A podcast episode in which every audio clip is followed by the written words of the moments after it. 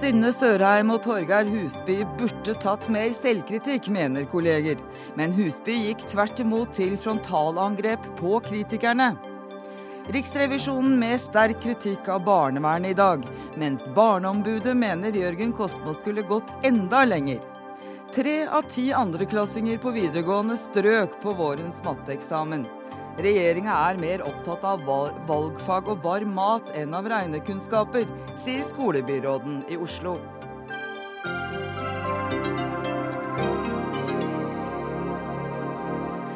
Dette er saker i denne utgaven av Dagsnytt 18, der vi også skal til avlyttingsskandalen i britisk presse. I dag måtte statsministeren sjøl forklare seg om tette bånd til avisredaktør. Velkommen i studio, Eva Nordlund. I dag har det vært psykiaterne Synne Sørheim og Torgeir Husbys dag i retten. De to første rettsoppnevnte sakkyndige, som konkluderte med at Anders Behring Breivik lider av paranoid schizofreni og var strafferettslig utilregnelig 22.07. En konklusjon mange andre psykiatere har kritisert. Og de andre rettsoppnevnte psykiaterne kom altså til motsatt konklusjon. Og du følger rettssaken for NRK, Per Arne Bjerke. Hvordan vil du oppsummere dagens forklaringer? Ja, De to sakkyndige står fortsatt i vitneboksen. og De har nettopp konkludert med at Anders Behring Breivik var psykotisk da angrepet skjedde. Han var også psykotisk da han ble observert på Ila. Det er voldstanker som er det dominerende og styrende i Breiviks tankeverden, ifølge de sakkyndige. De fastholder dermed altså sin konklusjon. Og Husby han sa nå nettopp at vi er helt sikre på at Breivik i lang tid før 22.07 hadde en opplevelse av å være i livsfare og truet på livet. Hans grandiose trekk de tok over straks han ble pågrepet på Utøya. Han var ikke bare stresset. Og når han viste til nødverge, så skyldes det ifølge de sakkyndige at han opplevde at han var i livsfare. Anders Behring Breivik mener han skal berge oss fra undergang, og at han har et ansvar og har fått et kall i å bestemme hvem som skal leve og dø. Og dette er forankret i en overordnet posisjon i en ikke sakkyndige. De sakkyndige mener altså at tiltalte har en realitetsbristende storhetstanker og fullstendig mangler selvkritikk. Et lite eksempel fra i formiddag er hvordan han detaljert og over 15 sider forklarer hvordan man skal drive landbruk i Østerdalen som om man skulle være en jordbruksekspert.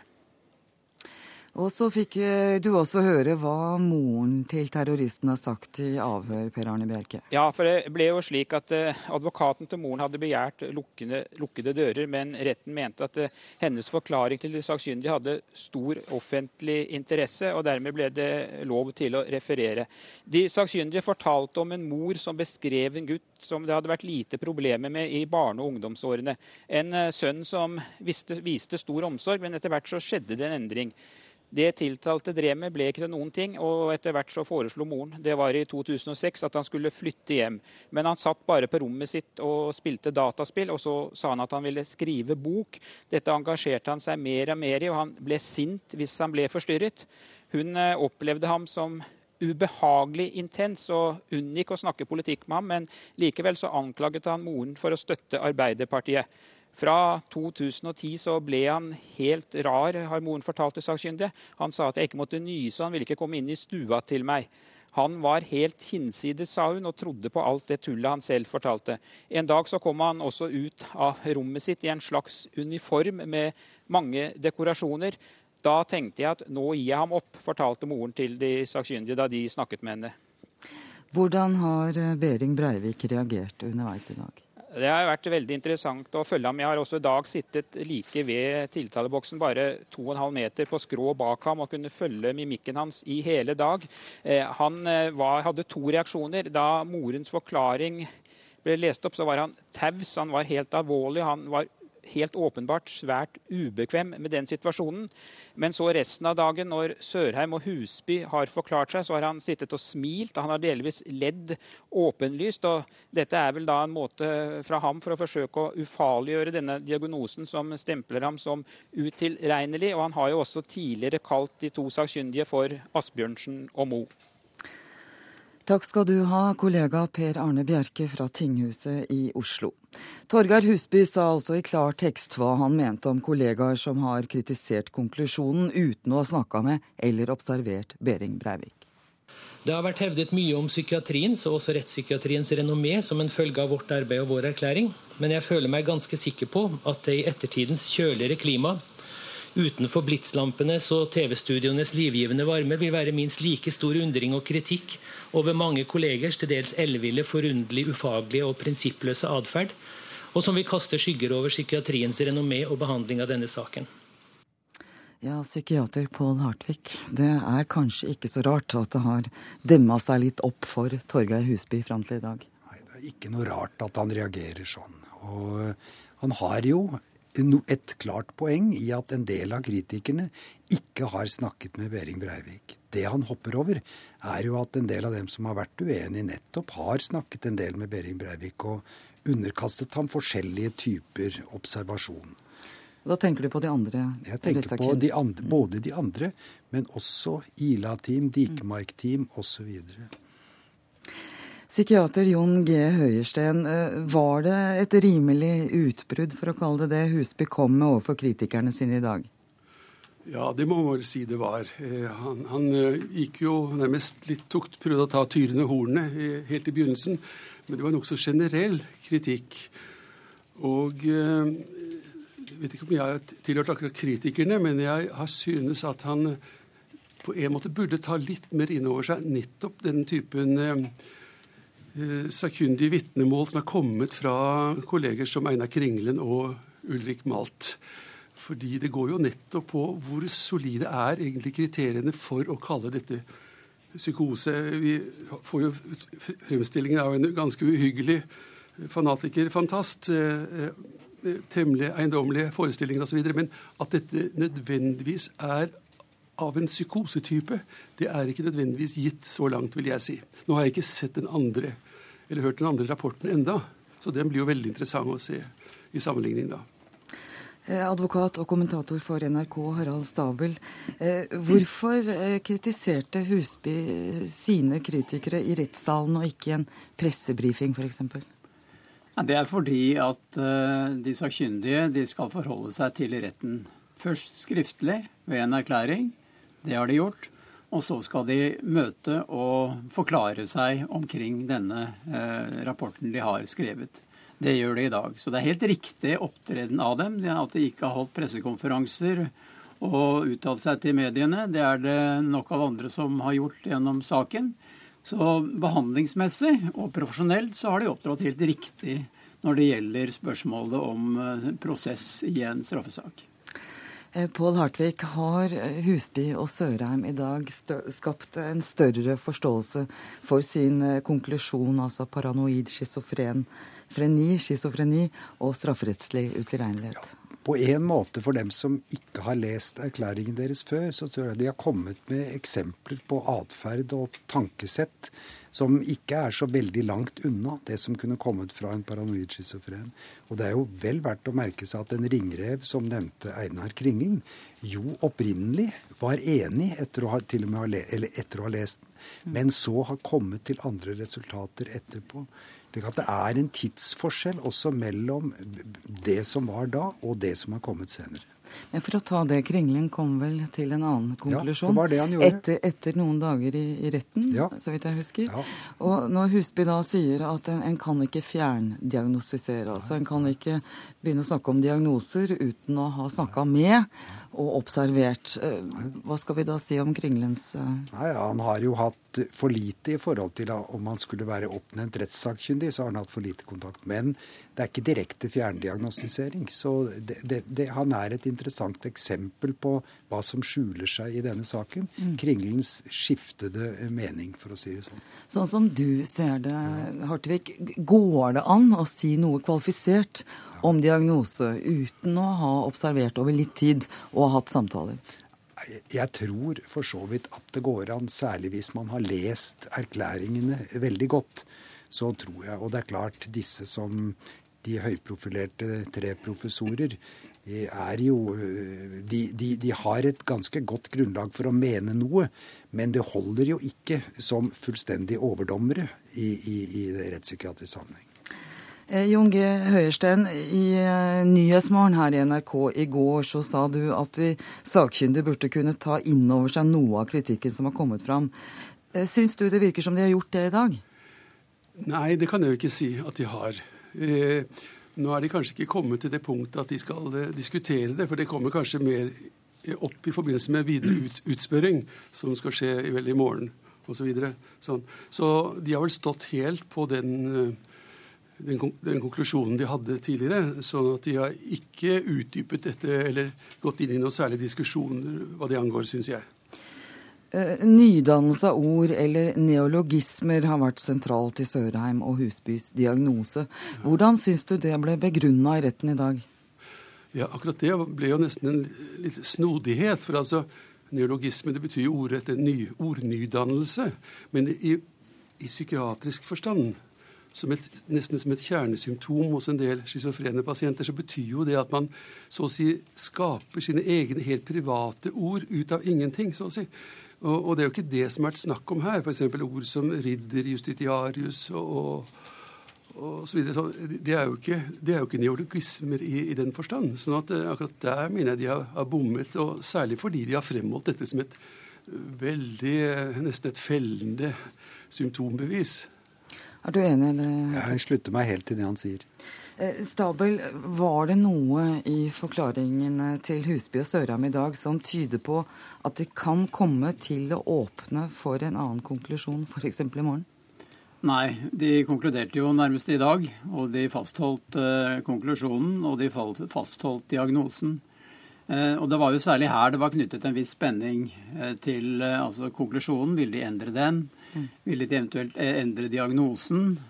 Og ville de ha endret eh, standpunkt, om ikke standpunkt, men eh, endret seg og tilpasset seg noe av det som har skjedd i retten i disse ni ukene.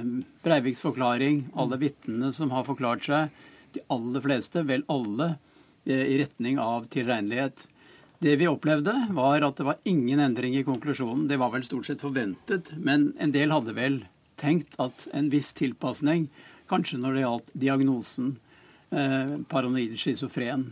Mm. Men heller ikke der fikk vi noen endring. Og når det gjelder bevisførselen, så fikk vi nærmest en styrking. Altså de, de virket mer sikre gjennom den bevisførsel som har vært, var mitt inntrykk. Men nå er ikke jeg fagperson på det området. Men det var vel kanskje eh, overraskende at de ikke gjorde noen justeringer der. Og da står vi i en situasjon hvor de nå har redegjort for erklæringen. Eh, de møter i morgen eh, spørsmål fra eh, partene, aktøren, og de møter spørsmål antagelig og kommentarer muligens fra det andre sakkyndige paret, og ikke minst fra domstolen. Jeg regner med at retten her vil og bør ha en del spørsmål til dem som de ønsker svar på for å få saken best mulig opplyst for dem. Hartvig, Bering Breivik opplever seg som en stor frelser. Og det er vel nettopp stormannsgalskapen og opplevelsen av å være i krig som er hovedgrunnlaget for diagnosen ja. paranoid schizofreni. Ja. Men, men, er stormannsgalskap per definisjon sykt, eller kan det også være ekstremt? Vi, vi lekfolk må jo spørre sånn, om sånt. Nei, altså det er vel slik at f.eks. diagnosen eh, narsissistisk personlighetsforstyrrelse, som jo er per definisjon ikke sinnssykt og ikke sykt, det innebærer jo også vesentlige storhetsforestillinger. Men disse er på en måte var tilsynelatende veldig bisarre. Men det er et spørsmål om bisarrhet skal ha full gjennomslagskraft for å bli kjent psykotisk. Eh, kort, eh, Høyersten, hvordan ser du på det? Jeg har lyst til å peke på rett og slett noen enkelte historiske eksempler på noe som kan ligne, nemlig noen av de verste despoter i eh, historien. De har jo hatt nettopp en stormannsgalskap eh, som ender opp i nærmest en slags guddommelig eh, gjørelse og dyrkning. Og uten at de nødvendigvis har vært psykotiske, men det er sånn at de nærmest drives av sin egen sin egen storhetsforestilling. Hitler og Stalin og Ja, ja, ja, ja ak akkurat. Eh, til eh, slutt, eh, Harald Stabel. Du nevnte at det kan, være, kan komme mange spørsmål i, i morgen.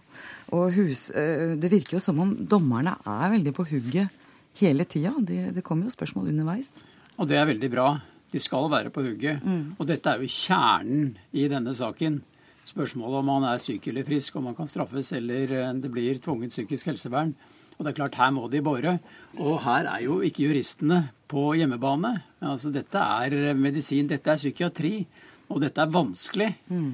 Og, og, de skal treffe avgjørelsen. Så det er klart at hvis de hadde vært passive her, så hadde det vært eh, meget spesielt. Ja, For dette er jo bevisførsel. Hvordan skal da retten forholde seg? Kan du si noe om det? Ja, dette er bevisførsel, og det er bevisførsel dommerne kan. Det er jo det de er mm. satt til å gjøre. Uh, og det, det, er ikke, det, er en utfordring. Selvfølgelig ligger utfordringer her. Fordi de er på, på, psykiatri. De er ikke på faglig hjemmebane ved å vurdere om en handling har funnet sted bevismessig, eller om det er subjektiv skyld som er tilstrekkelig bevist. Og der er de avhengig av råd fra disse sakkyndige. Og, og, og, det må de lytte til, og det må de få mest mulig informasjon om for å kunne treffe en riktig avgjørelse. Jeg er så frimodig at jeg stiller et ja-nei-spørsmål nå. Er, er, retten nærmere noe utilregnelighetsdom i dag eh, etter eh, rettsmøtet enn det var i går? Det tør jeg ikke ha noen formening om. Nei. Takk til dere, Harald Stabel, Pål Hartvik og til Jon G. Høiersten. Vi skal ha et nytt sett med kommentatorer eh, inn. Velkommen. Eh, der er politisk redaktør i Aftenposten Harald Sangele på plass. Igjen, jeg må spørre deg òg. Eh, det er kanskje ikke så rart at det hadde demma seg litt opp for Torgeir Husby i dag? Nei, altså jeg syns nesten det var noe befriende over hans kritikk av eh, sine fagfeller. Vi må jo huske på at eh, i over et halvt år så har kritikken hagla mot den første psykiatrirapporten. Eh, Husby og Sørheim har fulgt spillereglene, ikke sagt et steinsens ord. Men i dag så var det mye oppdemma irritasjon som kom til uttrykk. Det syns jeg må være lov. Eh, eh, lov, er det, er det rimelig også? Altså, det... det som er rimelig, er jo at eh, eh, Torgeir Husby påpeker at ei kjerne i all diagnostisering, det er jo å snakke med den du, du stiller en diagnose på. Mm. Og han har jo helt rett i at mange fagfeller, eh, psykiatere og psykologer, har vært veldig bastante på spørsmålet om Anders Behring Breivik sin tilregnelighet eller ikke men uten å ha snakka med han i mm. hele tatt. Men han bomma jo eh, for så vidt som det er også en god del som har snakka med han, som har behandla han, og som også går imot eh, den diagnosen som disse to første psykiaterne har eh, sett på han. Eh, politisk kommentator her i NRK, Magnus Sakam. Eh, har vi i dag kommet nærmere en konklusjon med tanke på tilregnelighetsspørsmålet, som du ser det? Bare for å gå rett på. Man må jo skille mellom det medisinske, altså kliniske analysen, og mm. virkningen eh, på, på, retten. Og Der tør heller ikke jeg ha noe bastant mening, men det er klart at hvis man eh, etter dagen i morgen, når disse to blir grillet ordentlig av alle eh, aktørene. Mm. Hvis de står seg, og hvis, hvis det som eh, de hevder som diagnose og konkluderer med utilregnelighet, er plausibelt for retten, altså at man ikke med si, veldig stor sikkerhet kan utelukke det, så er det klart at det har en veldig stor egentyngde. Da har vi altså med oss kommentator i Bergens Tidende og jurist Eirin Eikefjord. I hvilken grad har Husby og Sørheim styrka sin sak i dag, sånn du ser det? Altså, det er jo klart at eh, måten vi har blitt eh, kommet i kontakt med Husby og Sørheim sine konklusjoner, er jo via den massive kritikken de har møtt mm. fra fagfeller og i media. Og da vil de jo ikke kunne gjøre annet enn å styrke sin sak ved å sjøl argumentere for sine syn og sine premisser. Så ja. Og så er det jo òg eh, et eh, poeng her at mye tyder på at Husby og Sørheim har møtt en annen versjon av Breivik enn den mannen vi har sett i retten. Altså Dette er jo en viktig påminnelse om den gale tempelridderen, som vi kanskje har fortrengt litt i møte med den velartikulerte tiltalte. Mm. Eh, Stangele Husby sa også at det ikke er riktig at det ikke har vært i tvil. Eh, og det er vel første gangen vi hører at de to psykiaterne var i tvil underveis. Ja, det er det fordi at uh, ifølge Husby så var han blitt mistolka. Han ble spurt om de hadde vært i tvil. Han svarte på dette under føresetna at dette var konklusjonen de var snakk om, mm. mens eh, han mener vi har tolka han som at det var prosessen. Eh, men jeg syns vel egentlig at en erfaren og svært oppegående rettspsykiater bør være i stand til å skille mellom de to tingene, også når han uttaler seg eh, som han gjorde både til Aftenposten og til NRK. Takk. Altså det som eh, selvfølgelig er avgjørende her, er eh, premissene for deres konklusjon om vrangforestillinger. Og uenigheten bygger jo i stor grad eh, på tolkning av den. Mm. Eh, helt kort, så summert opp nå helt mot slutten eh, eh, de to kjernepunktet i slik de definerer denne vrangforestillingen. Og det er at for dem så er Breivik eh, en person som vil berge oss alle fra undergang i en kamp mellom liv og død. Eh, eller kamp mellom det gode og det onde. Og der han har fått en rett til å dømme over levende og døde, rett til å drepe, som er forankret i et ikke-eksisterende eh, fellesskap eller organisasjon.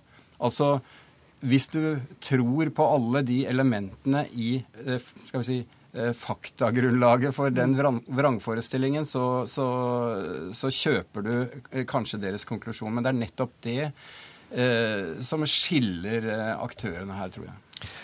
Det som de to var veldig klåre på nå i retten mot slutten, det er jo slutt bare for noen få minutter siden, det var at dette ikke dreide seg om et politisk univers, et ekstrem univers. Det dreide seg mer om volds- og drapsfiksering, og det var det som stimulerte, som var drivkrafta hos Anders Behring Breivik. Det var de veldig tydelige på. og jeg vil si at på mange måter så forsterker de sin konklusjon ifra rapporten, mens det nok var en del som ville tro at de ville modifisere den litt etter å ha sett Anders Behring Breivik nå i 37 dager, er det vel, i dag. Eirin Eikefjord, eh, Sørheim og Husby holder altså på, og kanskje enda sterkere, sin konklusjon om paranoid schizofreni. Hvilken juridisk utfordring gir at retten må ta stilling til to motstridende konklusjoner? Det er den samme utfordringen som man har antatt at man står overfor hele tiden. Og spørsmålet er jo om det er skapt så Hva innebærer den? Ja, Spørsmålet er om det er skapt så mye tvil om Breivik sin tilregnelighet at han ikke kan straffes. Men eh, utfordringen her er jo at spørsmålet om bevisbyrde for tilregnelighet er omstridt, og det er ikke noen klare retningslinjer i verken lov eller praksis. Og eh, En annen sak er jo at dette òg dreier seg om rettsanvendelse i annen forstand enn bevisbedømmelse. Fordi at eh, den kliniske psykosen er ikke sammenfallende med den rettslige. Og Det betyr at eh, dommerne må underlegge psykotisk en juridisk fortolkning for å finne ut hva man egentlig mener med det. Eh, den medisinske konflikten her, eller hvis vi skal prøve å summere opp om det henholdsvis er psykose eller en personlighetsforstyrrelse, slik par, psykiaterpar nummer to har konkludert med, så er et viktig moment i dag mors forklaring.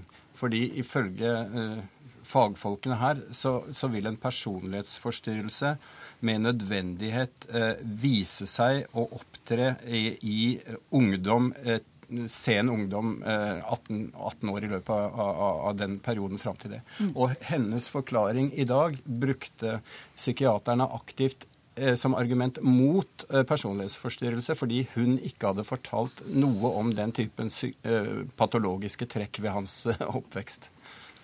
Eh, både Eikefjord og Takvam har jo skissert noe av dilemmaene her. Vi snakker mye om det dilemmaet som retten står oppi, men de som virkelig har et dilemma, og som må foreta valget før retten, det er påtalemakta. Og det vet vi nøyaktig om ei uke fra i dag, neste torsdag. Da skal påtalemakta eh, legge ned straffepåstanden, og jeg tror at det vil bli en av de viktigste premissleveransene til den dommen som retten skal bruke sommerveke til å skrive. Takk skal du ha, Harald Stangele. Takk til Eirin Eikefjord, og takk til Magnus Takvam.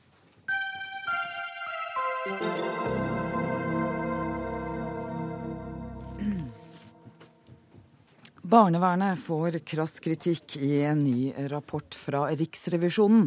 Hovedkonklusjonen i rapporten, som ble overlevert Stortinget i dag, er at det kommunale barnevernet trenger kraftig hjelp for å klare oppgavene sine.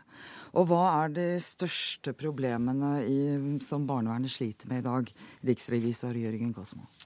Det største problemet er at det er en del barn som helt åpenbart trenger eh, hjelp, støtte på den ene eller andre måten. Det kan være alt fra støtte i det hjemmet den befinner seg i, til ganske større saker. Og de er altfor mange barn som ikke får den hjelpa. Det er for mange meldinger som, eh, som ikke behandles, og som på mange måter henlegges eh, ut ifra det vi mener ikke er gjort grundig nok forarbeid før uh, den henlegges. Og det, årsaken kan være manglende saksbehandlingskapasitet. Eh, eller det kan være mangel på, på, kompetanse. Vi har mange små og mellomstore kommuner i dette landet, og det er klart at dette er en gedigen oppgave for disse, disse kommunene å ha et barnevern som fullt ut skal kunne greie å følge opp intensjonen i lov om barnevern.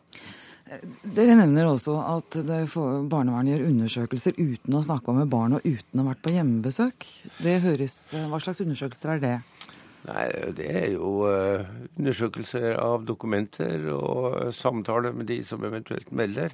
Hittil har vi jo på mange måter hatt en debatt om at det var for mange som ikke meldte fra når de hadde mistanke om, uh, om omsorgssvikt for barn. Realiteten er jo at i tillegg til at det er for få som melder fra, så greier man ikke å behandle de meldingene som man får inn, på en, en, en trygg og forsvarlig måte, hvis du tenker eh, barns eh, beste. Nå vil det nok alltid være slik at en del meldinger som kommer inn, ikke har noe realisme i seg.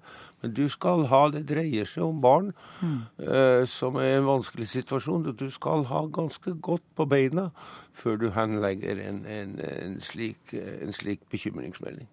Ja, det er som du sier, det handler jo om uh, unger, dette her. Og, og, dere nevner at bekymringsmeldinger blir feilaktig henlagt. Ja. At det tar for lang tid før barn får hjelp. Ja. Og at eh, mange av planene som var inne på, har vesentlige svakheter. Eh, og så er det også sånn at det, det, det, tar for lang tid å evaluere om hjelpetiltakene virker, og da vet en jo ikke hvordan barna har det. Ja, hvis de overhodet blir evaluert, så tar, det for lang, så tar evalueringa for lang tid. Mm. Altså, eh, Når man går til det skrittet å, overta omsorgen og plassere barn i fosterhjem eller på annen måte, Eh, overtar omsorg på mange måter omsorgsansvaret for barn, så krever det tett oppfølging for å se at man treffer med det tiltaket man har satt i gang. Mm. Og har man ikke kapasitet til det, og du kan ikke skylde på de som er ansatt i barnevernet eh, kommunalt. Så de gjør så godt som de kan. Mm. Mens, mens, mengden av oppdrag er for stor i forhold til ressurser. Mm. Den kompetansen som trengs, er for liten. Og kanskje til en viss grad feilplassert. Mm. Det er, det er, men det er grunn til å understreke at en del store kommuner da, som burde ha Eh, gode ressurser til å ha et godt barnevern. Også der finner vi feil og, og mangler. Mm. Eh, det går vel an å si at dette er, er akutt når unger ikke har det bra og barnevernet ikke kan gjøre det de burde ha gjort. Hva, hva skal til nå for at, at å reise kjerringa, for å si det sånn? Det mangler kapasitet. Hvor mye kapasitet skal det til?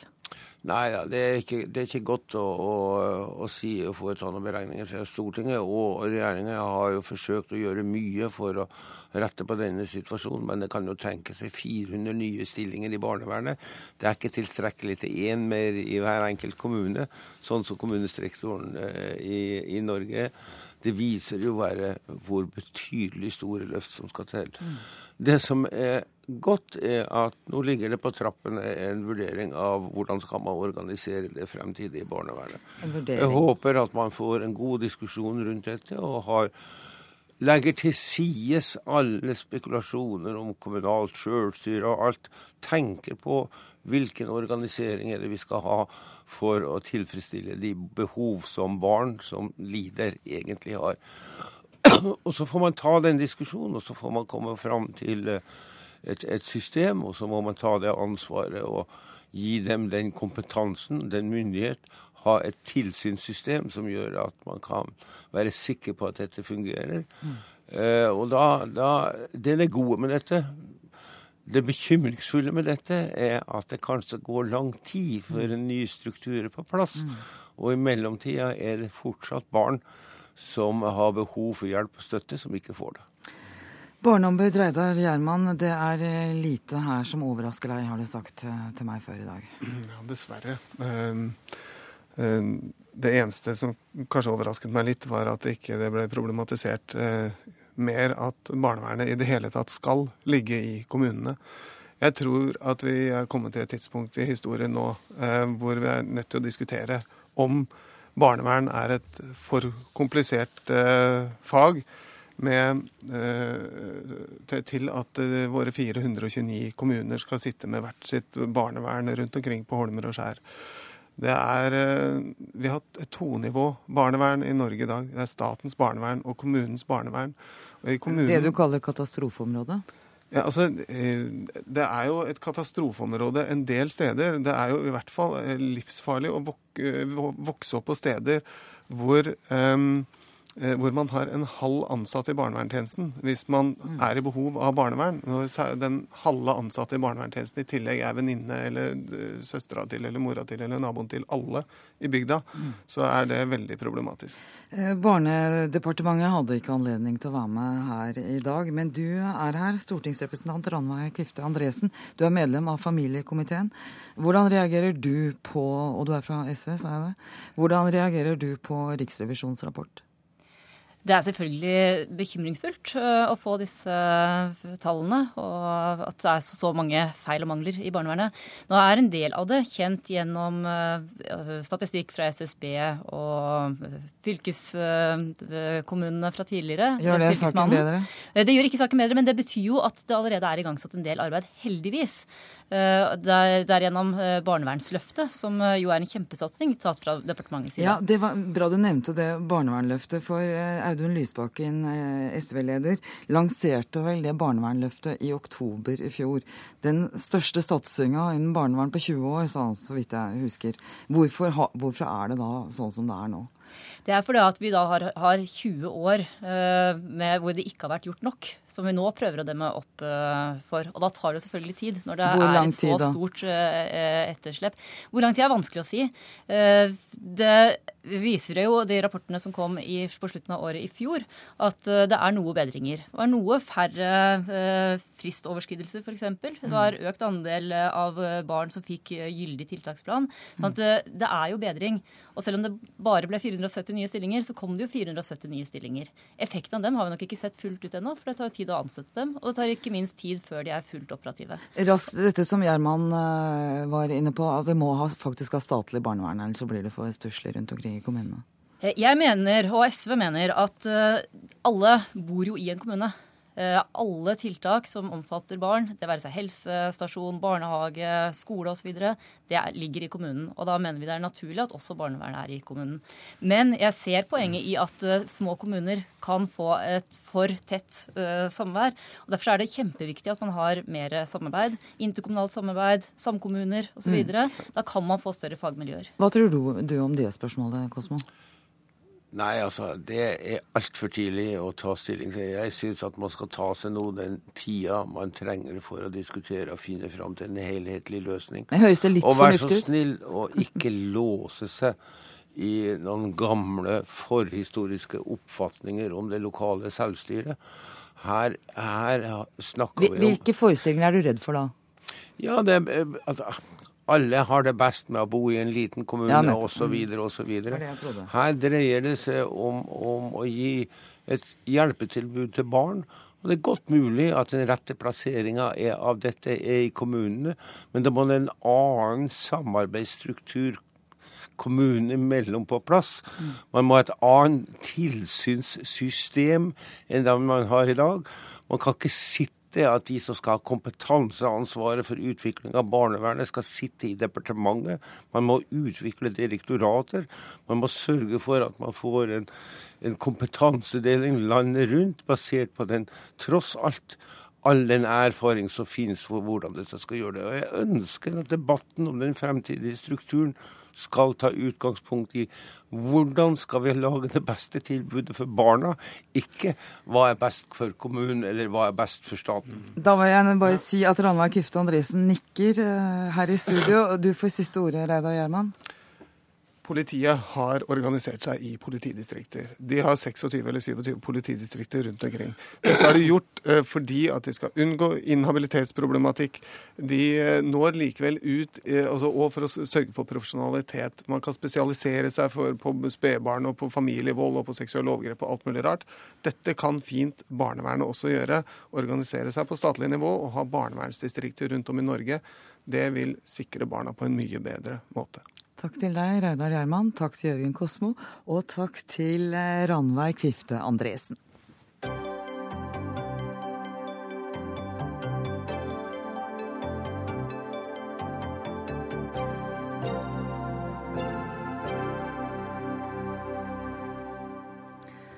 Regjeringa vil styrke sikkerheten ved de psykiatriske sikkerhetsavdelingene.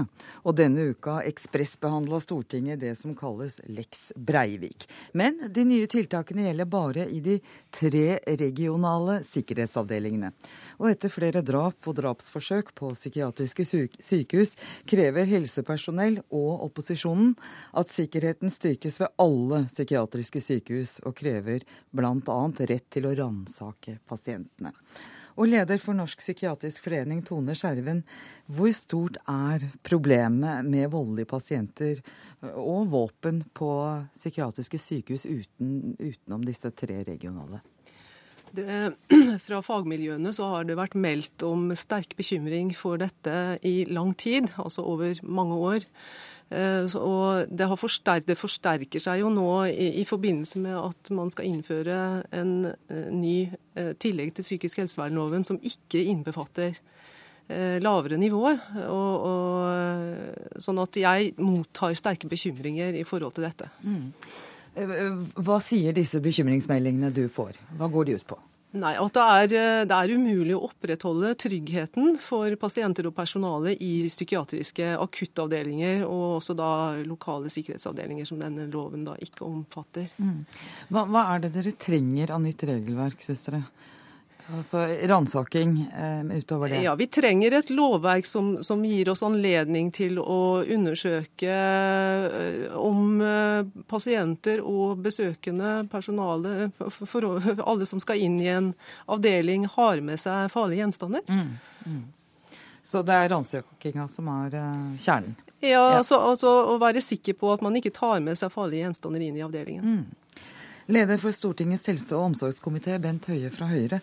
Du mener at regjeringa må gjøre noe med dette. Hva er hovedårsakene, sånn du ser det? Nei, Det viktigste er jo at uh, de som jobber i psykiatrien, må kunne gå på jobb uten å være redd for å bli skada. Mm. Uh, det er iallfall unødvendig redd. Man kan aldri lage et system som gjør at vi er helt sikre. Uh, men jeg syns at det å ha en åpen diskusjon om hva, hvilke metoder kan vi ta i bruk for å skape en sikrere arbeidsplass eh, eh, for de som jobber òg i andre deler av psykiatrien enn på de regionale sikkerhetsavdelingene. Og så er det etter vår oppfatning et rettssikkerhetsproblem at eh, en del av disse avdelingene har begynt å i realiteten ta i bruk sikkerhetstiltak som er på kanten eller strider med loven. Det er verre enn noen ting, for da har vi ikke den rettssikkerhetsforankringen som den type tiltak har. Og så er jeg jo veldig redd for eh, det som eh, statssekretæren har tatt til orde for, nemlig at eh, hvis en er, er redd eller er pasienter som en er urolig for, så skal de flyttes opp på et høyere nivå, altså til de regionale sikkerhetsavdelingene. Jeg er redd for at det at, det at nå vil pasienter som egentlig kunne hatt et godt faglig tilbud på de lokale avdelingene, i større grad henvises til de regionale sikkerhetsavdelingene når de har fått sterkere sikkerhetssystemer. Eh, og Det vil da være et, et, et, en, en, verre situasjon for de pasientene, og det vil øke presset mot de regionale sikkerhetsavdelingene. Ja, hvorfor er det en verre situasjon? Jo, fordi at Da kommer de inn i et system som er lagd for pasienter som er per definisjon eh, en, en, en, fare for risiko. Mm. Eh, mens de aller, aller fleste psykiatriske pasienter er selvfølgelig ikke det. Jeg tror at statssekretæren du sikta til var vel Robin Koss, som er statssekretær i Helse- og omsorgsdepartementet. Eh, Robin Koss, eh, hvis dere er, og det er dere jo, opptatt av å styrke sikkerheten, det ligger i denne Lex Breivik, hvor, hvorfor ikke gjøre det ved de andre psykiatriske avdelingene også? Jeg synes eh, begge to tar opp uh, veldig viktige poenger. Men det er noen dilemmaer her. Og det er at det er balansen mellom friheten til hver enkelt pasient og viktigheten av å sørge for god nok sikkerhet. Det som vi har sett, er at det er altfor uh, dårlig sikkerhet. Det har vært altfor mange episoder med våpen inn på avdeling, rømninger fra personer som absolutt ikke burde rømme. Det som vi gjør nå, som er det som blir behandlet meget raskt, det er å få på plass nødvendig sikkerheten for de aller, aller farligste pasientene. Ja, men, men, så, men så det, var, det, var, ikke spørsmålet, Kåss. Det var uh, hvorfor kan dere ikke gjøre det tryggere ved de andre avdelingene også? Jo, det er fordi at vi ønsker nå først og fremst å bedre sikkerheten knytta til de aller farligste pasientene. Så er det jo slik at i eh, Stortinget så var uh, Høie enig med uh, oss, men f.eks. Fremskrittspartiet mente vi gikk for langt. Ja, men Høie sitter i studio, han kan snakke for seg sjøl. Vær så god, Høie. Nei, altså, det er ingen uenighet mellom Høyre og Arbeiderpartiet når det gjelder disse regionale sikkerhetstiltakene. Vi trenger ikke bruke tid på å diskutere det. Men det som vi må diskutere, det er de veldig tydelige signalene som kommer fra de som jobber i psykiatrien, mm. om at det er store sikkerhetsutfordringer òg på deres arbeidsplasser. Og Det betyr ikke at jeg mener vi skal innføre så strenge sikkerhetstiltak som vi har gjort på de regionale sikkerhetsavdelingene. Men for så er det sånn at skal du besøke meg på Stortinget, så må du gå gjennom en metalldetektor. Skal du ut og fly, så må du gjennom en metalldetektor. Mm. Og så er det altså mennesker som går på jobb hver dag der det er beslag av øks, kniv, av mennesker er, fra mennesker som er psykisk ustabile, og som ikke får muligheten til å ta i bruk sikkerhetstiltak som ingen av oss tror jeg ville opplevd som et overgrep om vi ble utsatt for f.eks. noe så enkelt som å gå gjennom en metalldetektor før en kommer inn i en ja. sånn avdeling. Et øyeblikk, Er det så enkelt Skjermen, at hvis vi får på plass noen metalldetektorer, så, så styrker dere sikkerheten betydelig? Det vil jo, altså en Metalldetektor vil jo kunne avsløre ting som er av metall, for å si det så enkelt. F.eks. våpen. Eh, F.eks. våpen kniver. og kniver, som ikke er uvanlige. Økser og nevnt her. ikke sant? Eh, så, sånne ting. Så det er klart at det, det ville være en mulighet. Men eh, altså, metoden må, kan man jo diskutere. Poenget er jo å, å få til Altså å nå åpne opp for en mulighet til å Eh, kunne undersøke personer som skal inn i en avdeling, sånn at de ikke har med seg farlige våpen eller eh, kan det, så, kan det, være så, vanskelig å si seg enig i det, da, statssekretær Robin Koss? Nei, det er ikke vanskelig. Bare gjør det. Det er ikke vanskelig å si seg enig i det, men så må vi anerkjenne at det er et uh, dilemma knyttet til hvordan vi ja, vil Dilemmaet har vært inne på, men, men hva er så viktige grunner at du ikke bare kan si ja, dette skal vi sørge for? Det er det jeg prøver å uh, si, som prøvde å si en del ganger nå. Det er at det er et dilemma mellom hvor mye sikkerhet vi ønsker å ha på sykehusavdelingene, og hvordan de sikkerhetstiltakene griper inn i friheten til hver enkelt. Det er veldig mange mennesker i Norge som mottar hjelp fra psykisk helsevern, og, det er ikke, og nesten ingen av dem er farlige overhodet. Og da er, det, da er, det, viktig at man sørger for at man har de mm. strenge sikkerhetstiltakene for de som er bedømt farlige, men at ikke alle må gå gjennom alle sikkerhetstiltak hver gang man skal inn på et psykiatrisk sykehus. Dilemmaet så er altså argumentet at det, det koster for mye for pasientenes frihet. Ikke sant? Det er jo det, det, er det som er Det det som er årsaken nå. Det er det som er, det er utfordringa. Ja. Og, og, selv om Høie var enig med oss, så syns jeg det er verdt å legge merke til at i Stortinget så mente man at også for de aller farligste pasientene så gikk vi for langt. Sånn at eh, vi, vi, må, vi må, sørge for å ha rett sikkerhet... Det er ikke det vi snakker om jo, Jo, for vi må sørge for å ha rett sikkerhetsnivå for rett pasient. Ja. Jeg tror de fleste egentlig er enige om at det er ikke OK hvis man må gå gjennom en metalldetektor hver gang man skal inn på et sykehus i Norge. Her må man skille mellom der hvor det er fare, og der hvor det er mindre mindre fare. Ja, jeg vil spørre deg om det også, Skjerven. For det er, vel, det er vel sånn at dere allerede har lov til å ransake pasienter der, dersom det er begrunna mistanke, heter det vel? Ja, det er en åpning i psykisk helsevernloven for å gjøre det. Det, mm. som, eh, det som, er erfaringen med det, er at det er fryktelig vanskelig å skille eh, ut hvem man skal da ha en begrunna mistanke i forhold til. Mm. Og det viser at Hvis det hadde vært gjort en studie på det, så tror jeg at vi hadde kommet veldig dårlig ut.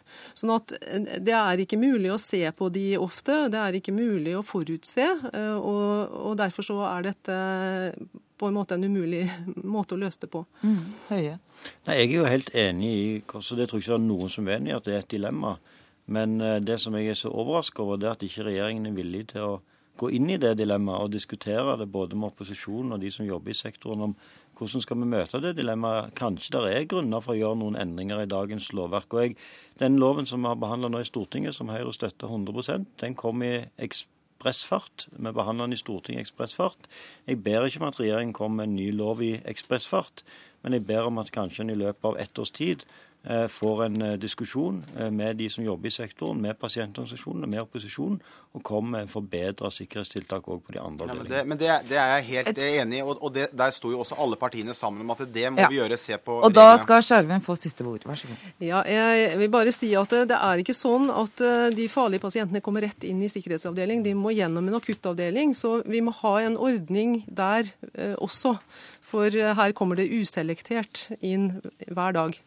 Takk skal du ha, Tone Skjerven, leder Norsk psykiatrisk forening. Takk til Bent Høie fra Høyre og Robin Gaas fra Arbeiderpartiet, statssekretær i Helsedepartementet.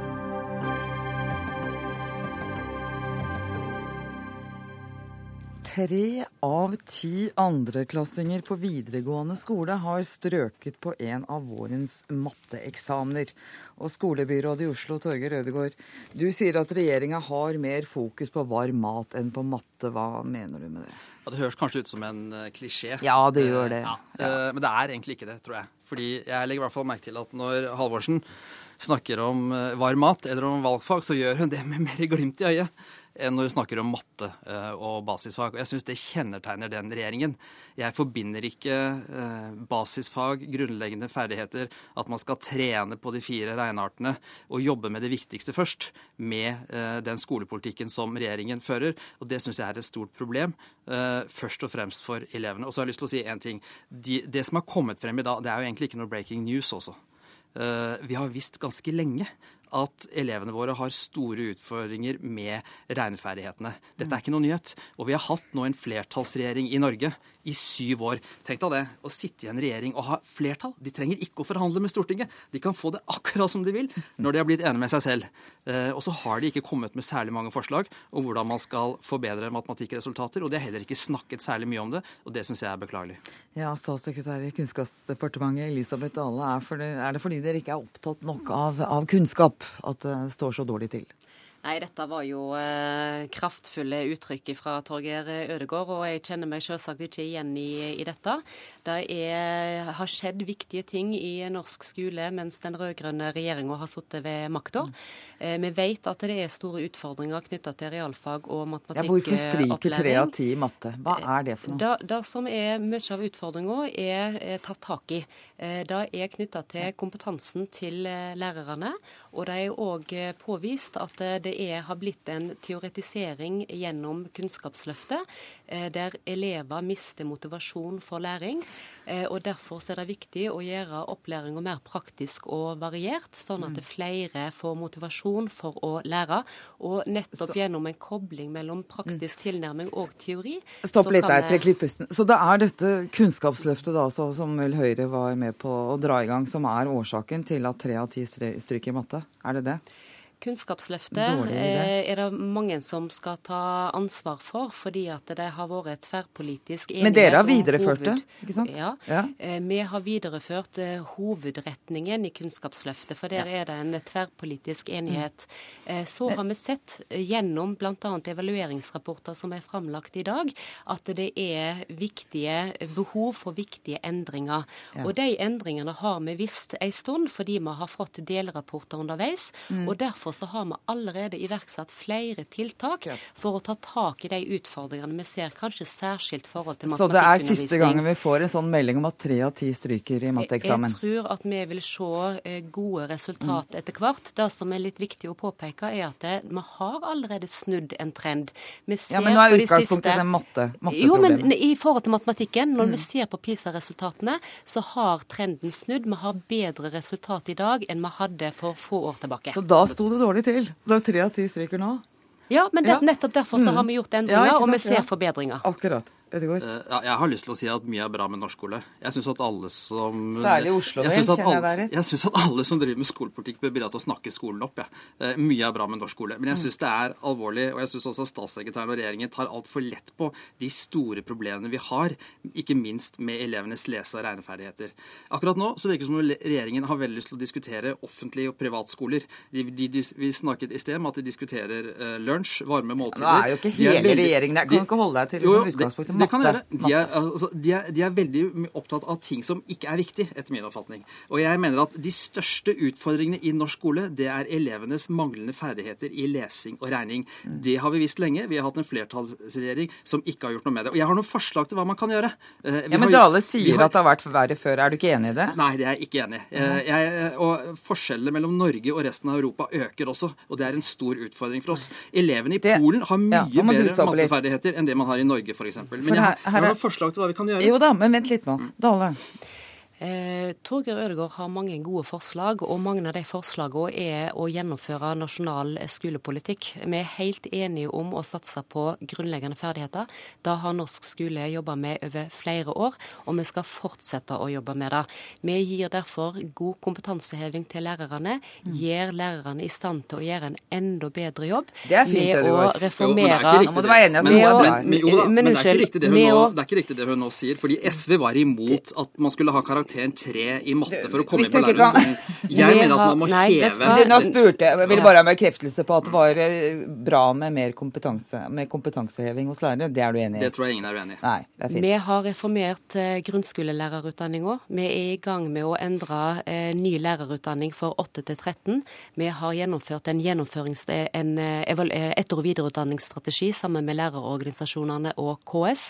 Og vi har òg sikra økt kompetansekravene mulighetene for å undervise i matematikk på ungdomstrinnet. Og Dette er viktige tiltak, og det er ikke riktig at, at, vi, at vi, ligger dårlig an internasjonalt. Vi ligger på gjennomsnittet i forhold til internasjonal sammenligning, og vi har gått opp de senere åra nettopp på bakgrunn av at vi har gjennomført viktige tiltak. Noe blir gjort riktig her, Ødegaard? Eh, absolutt, eh, og det er absolutt noe vi er enige om. Men jeg mener at hovedutfordringen med den regjeringen vi har nå, som altså har rent flertall, er at den vil for lite den er for lite ambisiøs på vegne av elevenes læring. Jeg mener at vi må satse mer på basisfag og grunnleggende ferdigheter. Vi må satse på å trene elevene i regneferdigheter gjennom hele skoleløpet. Eh, vi må satse mer på differensiering. Vi har sekunder igjen, og dere holder ordet så lenge begge to at det er nesten helt håpløst. Kort til slutt, Dale, vær så god. Det er kjempeviktig å se sammenheng med, med læring og trivsel, og mm. at elevene blir motivert for læring. og Nettopp derfor så gjennomfører vi viktige tiltak for at opplæringa skal bli mer praktisk og variert. Takk skal du ha, Elisabeth Dale, som er statsråd statssekretær i Kunnskapsdepartementet, og takk til Torgeir Ødegaard, skolebyråd i Oslo. Hør Dagsnytt 18 når du vil, på nettradio eller som podkast. nrk.no – dagsnytt 18.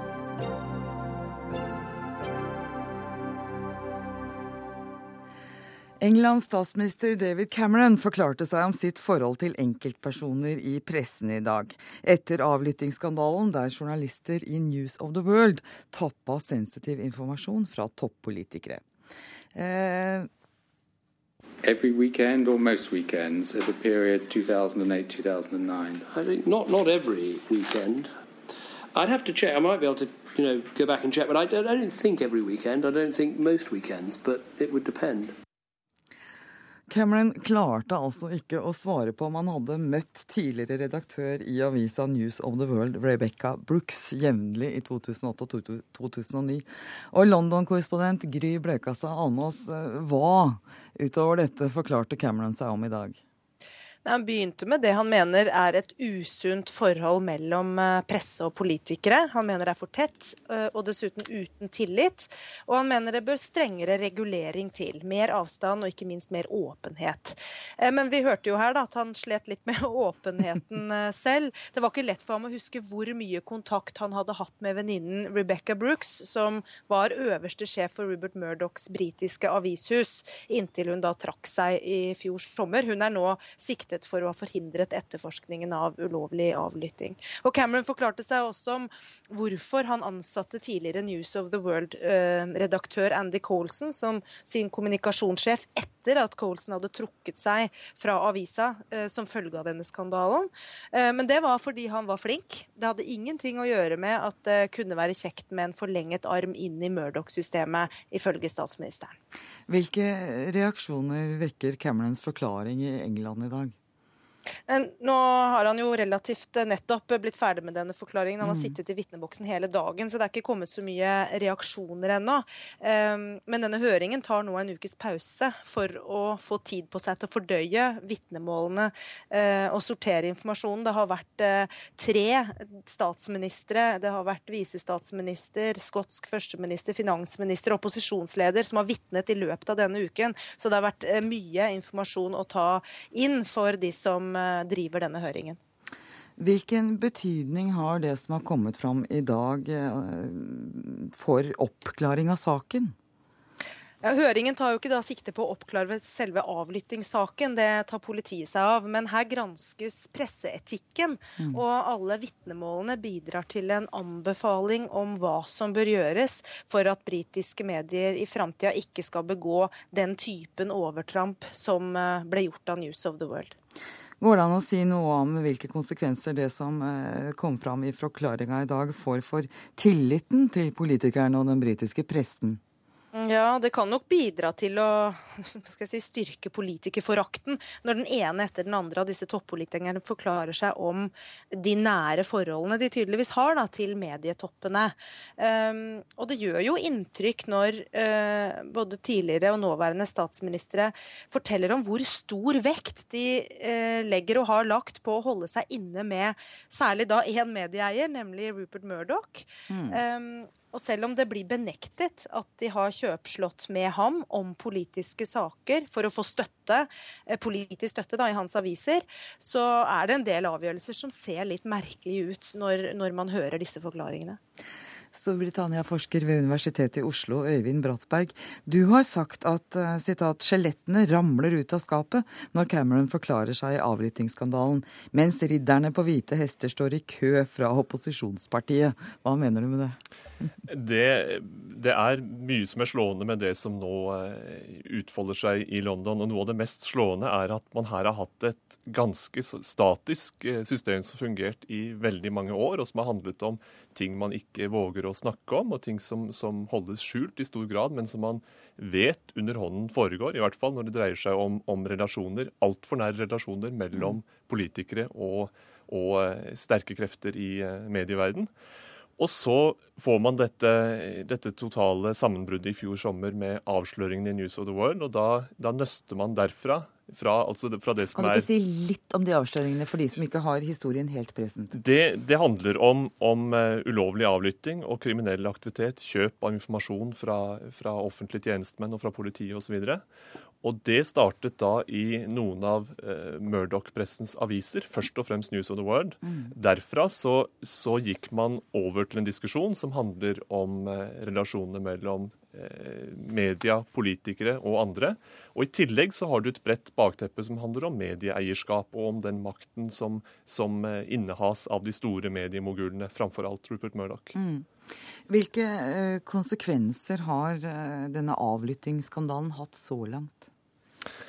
Man har iallfall fått en, en situasjon, jf. disse ridderne på, på hvite hester, hvor, hvor eh, man står i kø for å si at man hele tiden har ønsket å gjøre det rette, men at det er de andre som har, har skylda. Og nå, nå, forsøker spesielt Labour å, å, lime dette til en eh, konservativ konspirasjon, så å si. At det handler om, om en elite rundt, altså i kretsen rundt David Cameron, som i realiteten har har holdt i tømmene. Men sannheten er at uh, Labour selv har sittet i en årrekke i regjering og ikke våget å gjøre noe med den innflytelsen, både den synlige og den usynlige. Og det kan man beklage seg over i dag, men man kan vanskelig si at man er helt uskyldsren på, på veien. Men det er eh, selvfølgelig fristende å bruke det partipolitisk? Det er det i, i, høy grad. Det er også fristende å forsøke å splitte regjeringen på det, fordi liberaldemokratene anser seg som mer uskyldige enn den konservative eliten. Takk skal du ha, Øyvind Brattberg. Du fikk eh, nesten det siste ordet i denne sendinga. Takk også til Gry Blekastad Almås. Ansvarlig for sendinga Dag Dørum, teknisk ansvarlig Karl Johan Rimstad, og her i studio Eva Nordlund takker for følget. God kveld.